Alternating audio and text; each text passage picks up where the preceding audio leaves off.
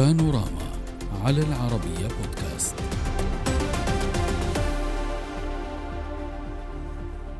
مع تصاعد توتر بين الولايات المتحدة والصين على أزمة تايوان التي تهدد بإشعال الحرب بين القوتين العظميين. يرى مراقبون أن الحرب مع الصين ستكون مختلفة عن أي حرب واجهها الأمريكيون من قبل.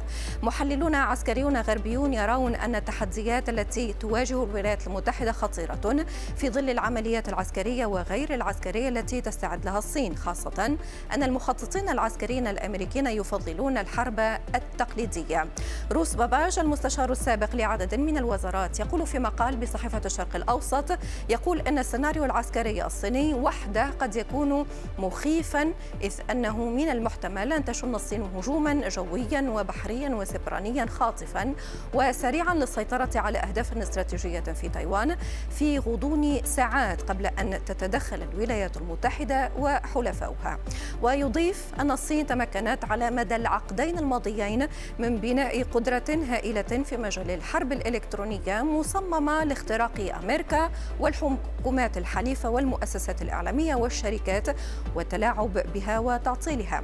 كما يمكن للصين أيضا تسليح هيمنتها على سلاسل التوريد والشحن وحينها سيكون التأثير على الأمريكيين عميقا إذ يعتمد اقتصاد الولايات المتحدة بشكل كبير على الموارد والسلع الصينية بما في ذلك تلك التي تستخدم في التطبيقات العسكرية.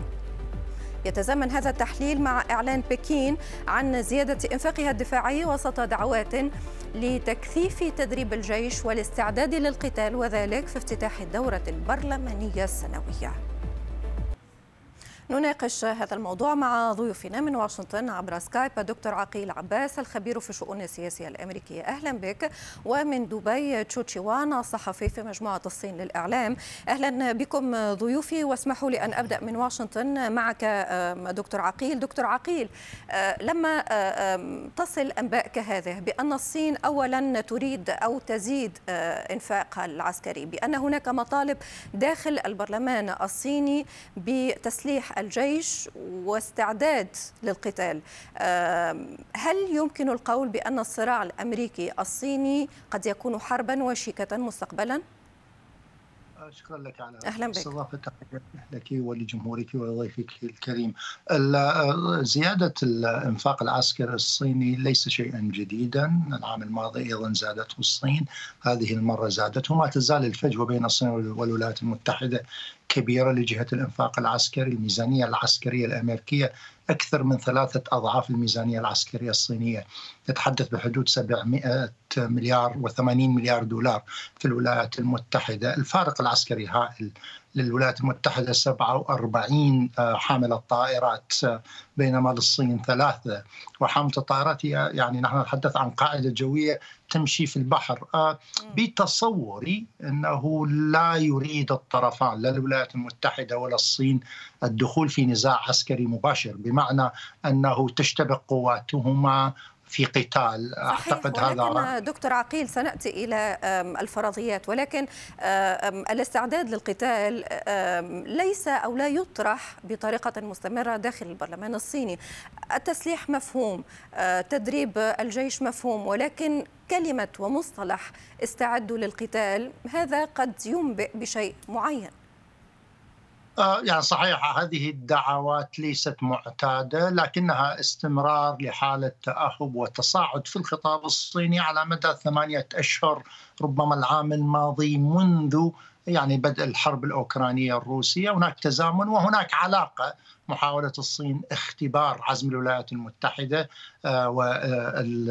وقدرتها على مساعدة تايوان على الدفاع عن نفسها خصوصا أنه الولايات المتحدة تأخرت يعني صفقات السلاح بين تايوان والولايات المتحدة منذ 2016 ولحد الآن بلغت 14 مليار دولار. معظمها لم تسلمها الولايات المتحدة. لكن بعد يعني الحرب بدء الحرب مع أوكرانيا وتصاعد الخطاب الصيني بإزاء تايوان بدأت الولايات المتحدة تستعجل تسليم بعض الأسلحة ذات الطبيعة الدفاعية وهذا, وهذا الاستعجال قال البعض بأنه هو الذي دفع الصين كذلك للحديث بهذا المستوى عن الاستعداد للقتال. ما رأيك سيد تشو؟ آه، أولا كوكوشي على الرغم من أن الصين قد ازدادت ميزانيتها الدفاعية بنسبة 7.2% من العام الماضي ولكن هذه الزيادة في الحقيقة بشكل مناسب ومعقول ومعقول حيث شكلت نسبة النفقات الدفاعية 1.2% فقط من إجمالي الناتج المحلي بالنسبة إلى الاقتصاد الصيني. وهذه نسبة قليلة جدا بالمقارنة مع الولايات المتحدة وبريطانيا وفرنسا والهند حيث نعرف أن نسبة النفقات العسكرية الأمريكية تشكل 3.5% من إجمالي الناتج المحلي للولايات المتحدة. وهي أكبر أكثر بكثير من النفقات الدفاعية الصينية. وفي الحقيقة قد انخفضت نسبة النفقات الدفاعية الصينية منذ طرح سياسة الإصلاح والانفتاح على الخارج. ولكن نعم هل هذا يعني سيد تشو لو سمحت لي هل ما تعدده من أرقام ومن مقاربات بين الحاضر والماضي؟ يعني بأن الصين ليست لها أي نوايا تذكر فيما يخص تايوان؟ أعتقد آه، بالنسبة إلى مسألة تايوان هي مسألة تجذب أنظار العالم في وقت راهن آه، ولكن أود أن أؤكد مرة أخرى وقد في الحقيقة قد قمنا بمناقشة هذا الموضوع عدة مرات.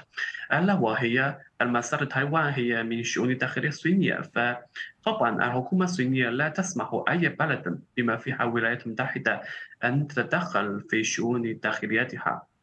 فهذا يعني تدخلت وبدأت بتسليحها. يقول مراقبون بأنه تسليح مكثف مغاير لما سبق من تسليحات. ولكن ابقى معي سيد تشو. هناك مقاربة أود أن أطرحها عليك دكتور عقيل. آه، نحاول فهمها مع بعض. في الواقع روس باباج المستشار السابق لعدد من الوزارات الأمريكية آه، تحدث عن قراءة وكأنها تسريبات مغلقة وكأنه هناك تسريبات معينة.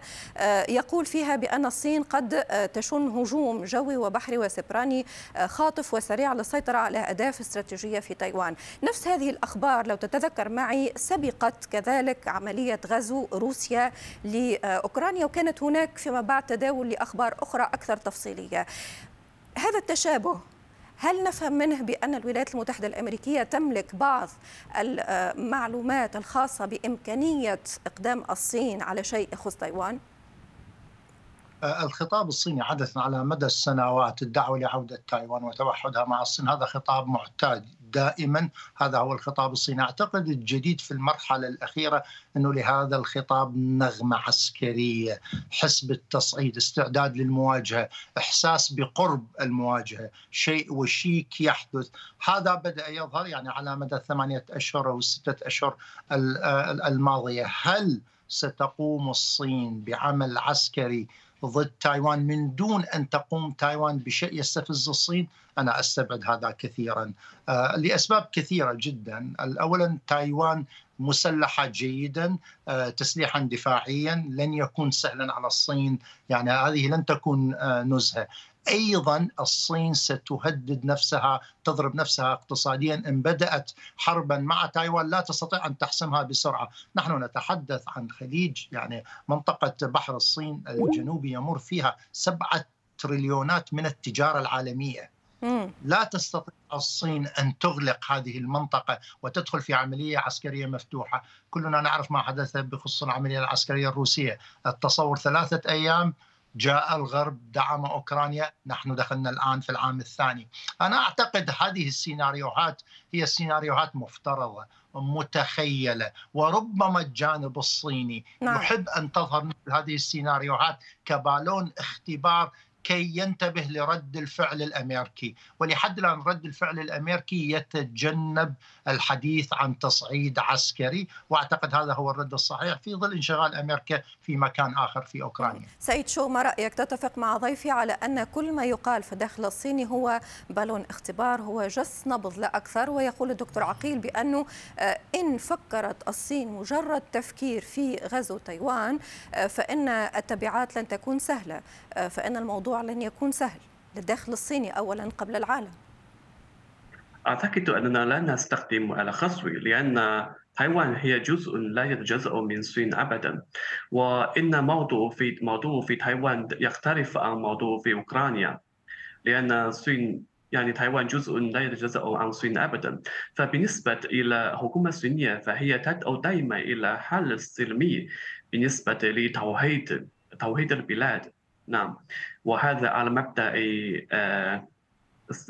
السياسة آه، دولة واحدة ونظامين. طيب هذا ما تقوله الصين رسمية دائما ولكن ما الحد الأدنى الذي ولكن الآن يقبل صينيا؟ نعم. سيد تشو ما الذي لن تقبله الصين؟ يعني نحن نتابع بأن هناك زيارات أصبحت متتالية من الجانب الأمريكي إلى تايوان هناك عملية تسليح مكثفة.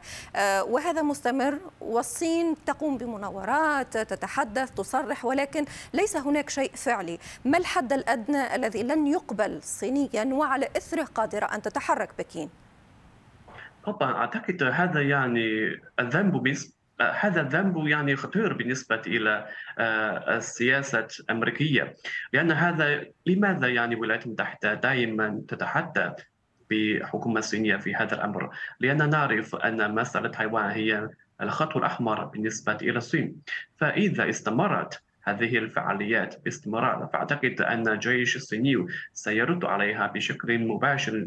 أيوة لأن الحكومة الصينية لم نترك أي فرصة لاستخدام آه، السلاح لحماية سلامة أراضيها فأعتقد أن إذا القوة الانفصالية داخل تايوان مع تتعاون مع الولايات المتحدة أو دول أخرى في سعي وراء استقلال فلا بد من الجيش الصيني أن يرد عليها بشكل عنيف جدا. آه. نعم. وضحت فكرة حضرتك ما قلته في الأخير ملفت بأن للصين صبر قد ينفذ في أي لحظة. آه، سنبقى في متابعة كل هذا أود شكركم جزيل الشكر. من دبي تشوتشيوان صحفي في مجموعة الصين للإعلام. ومن واشنطن شكرا جزيلا لحضرتك دكتور عقيل عباس الخبير في الشؤون السياسية الأمريكية. السلام عليكم.